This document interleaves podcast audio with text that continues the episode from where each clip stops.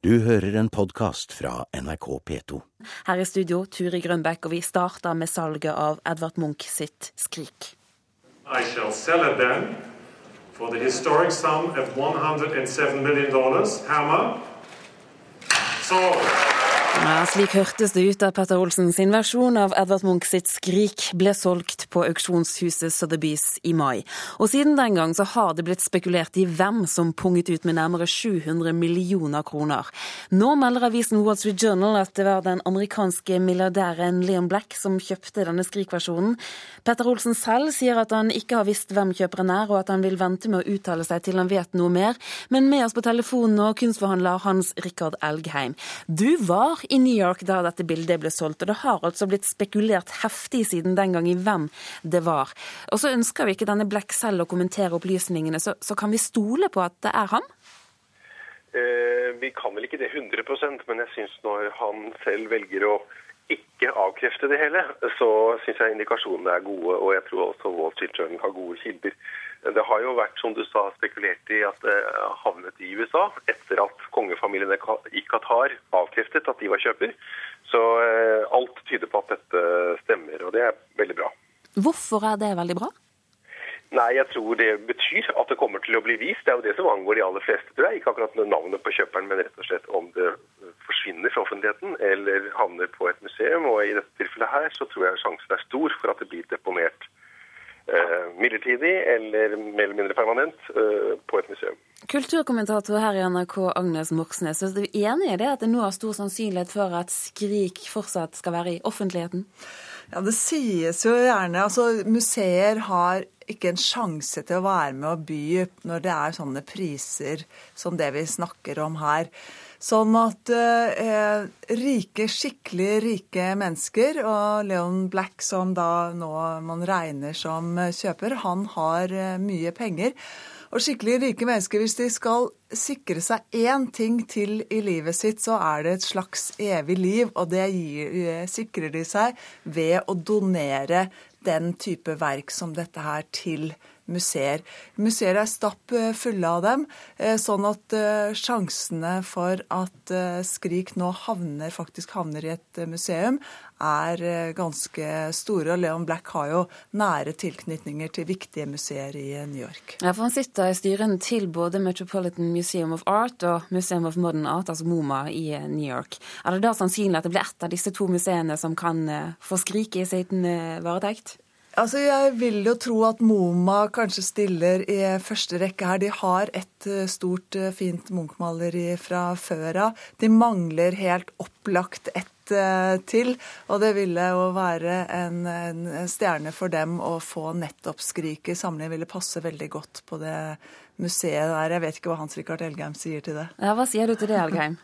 Jo, det har jo vært, jeg er 100% enig i det som blir sagt. Og MoMA har jo vært lansert som det som ønskestedet for veldig mange. Eh, nettopp for denne Skrik-versjonen som ble solgt. Så eh, med da Black tilknytning til det museet, så tror jeg mye tyder på at det er der vi kommer til å se det i fremtiden. Er det slik nå at nå har egentlig alle fått det som de ville med dette salget av Skrik?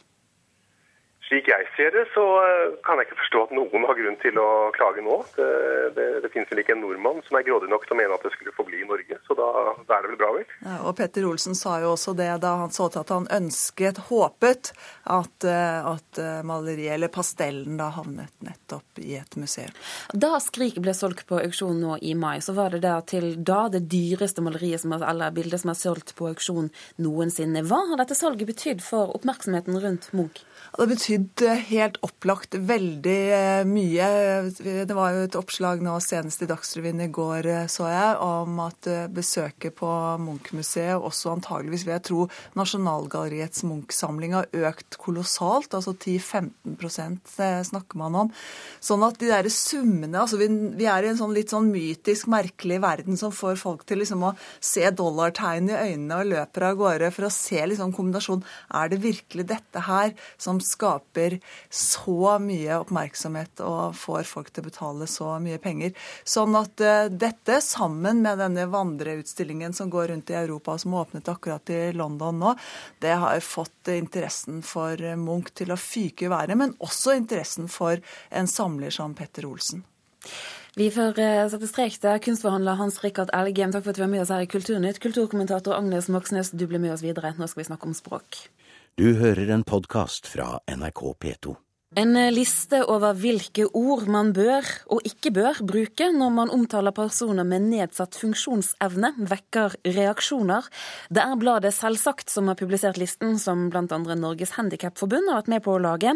Og den trykkingen av denne listen med tabuord blåser nytt liv i debatten om språk og stigmatisering.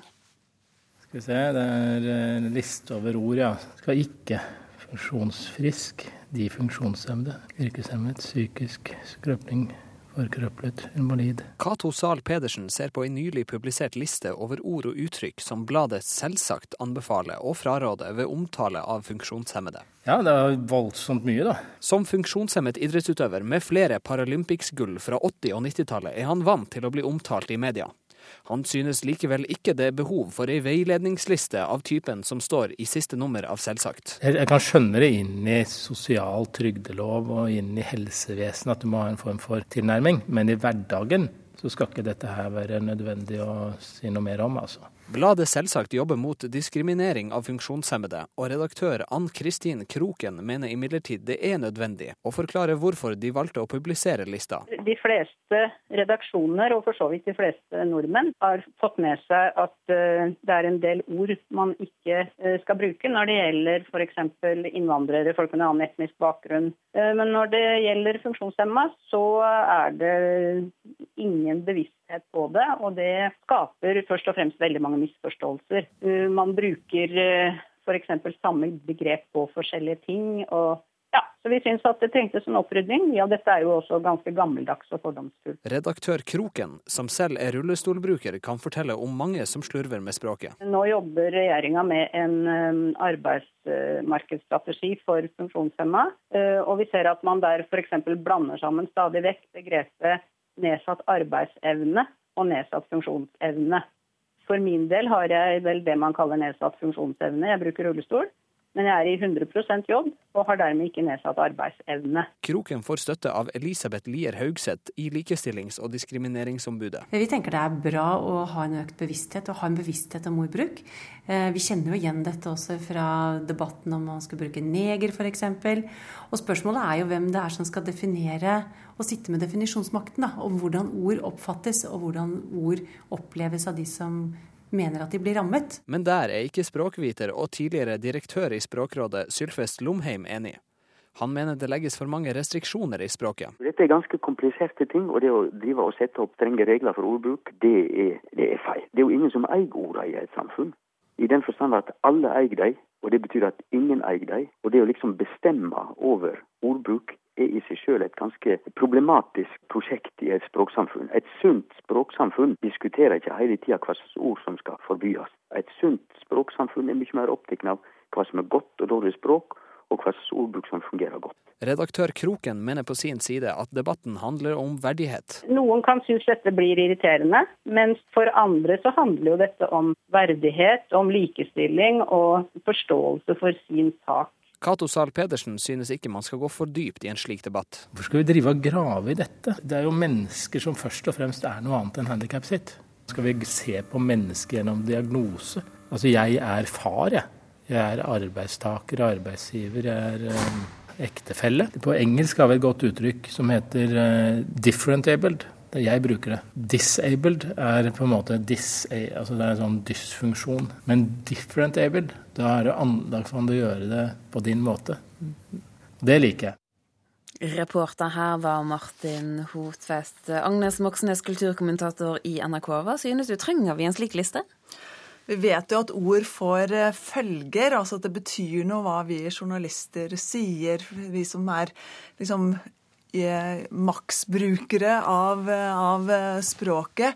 Eh, vi må lære oss å bruke språk på en ordentlig måte. Så man kan jo oppfatte dette eller lese denne listen som en vennlig henvendelse til oss om at vi bruker språket på en måte som, som eh, ikke er galt, eller hvor vi ikke da litt ubevisst sårer folk. Men jeg syns nok at denne lista over uh, anbefalte ord, man, altså ord man bør unngå å bruke, den går veldig dypt inn i språket vårt og vil utelate ord som er liksom gode og beskrivende og levende norske ord. Da, fordi at man ønsker f.eks. å sette en stopp for bruk av ord som sukkersyk, senil, ordblind, døvstum, tunghørt, handikappet anbefales ikke brukt. Og det er jo interessant når vi samtidig vet at det er noe som heter Norges Handikapforbund. Så jeg er ikke helt sikker på hvor samlet eh, bevegelse som står bak denne ordlista her. Men, men, men altså det, vi har jo hatt tidligere en debatt om hva vi skal eh, si om innvandrere, etniske minoriteter. Dette er en naturlig debatt som kommer? Men her tror jeg egentlig at eh, redaktøren for Selvsagt, Ann Kristin Kroken, tar litt feil, feil. fordi at innvandringen til Norge, den, altså Inntil første veien, annen verdenskrig så utvandret nordmenn. Etter annen verdenskrig så begynte, inn, startet innvandringen. Da trengte vi en diskusjon om språk. Men det språket som virkelig har forandret seg mest opp igjennom de, altså flere hundre år, det er jo nettopp det språket eller de ordene vi bruker for å beskrive ulike funksjonshemninger eller mennesker da, med nedsatte funksjonsevner. Eh, Ibsen opererer med begrepet dårekiste. Eh, etter hvert kom galehus, så kom sinnssykehus, så kom asyl. Eh, nå bruker vi sykehus, rett og slett, eller andre begreper på det. For å beskrive folk med psykiske lidelser som jeg tror vi ikke skal bruke ifølge denne lista her, så har man jo brukt uttrykk som idiot, gal, avsindig, sinnssyk, eh, mens vi nå liksom da driver og forandrer på det. Så det store spørsmålet her, det er jo om dette utspillet, som absolutt må oppfattes som en kamp for verdighet og anerkjennelse, kanskje heller skjuler en smerte, eh, en stadig forandring av språk ikke kan gjøre noe med. Den skal vi la henge der. Agnes Moxnes, takk for at du var med oss her i Kulturnytt. Du har hørt en podkast fra NRK P2.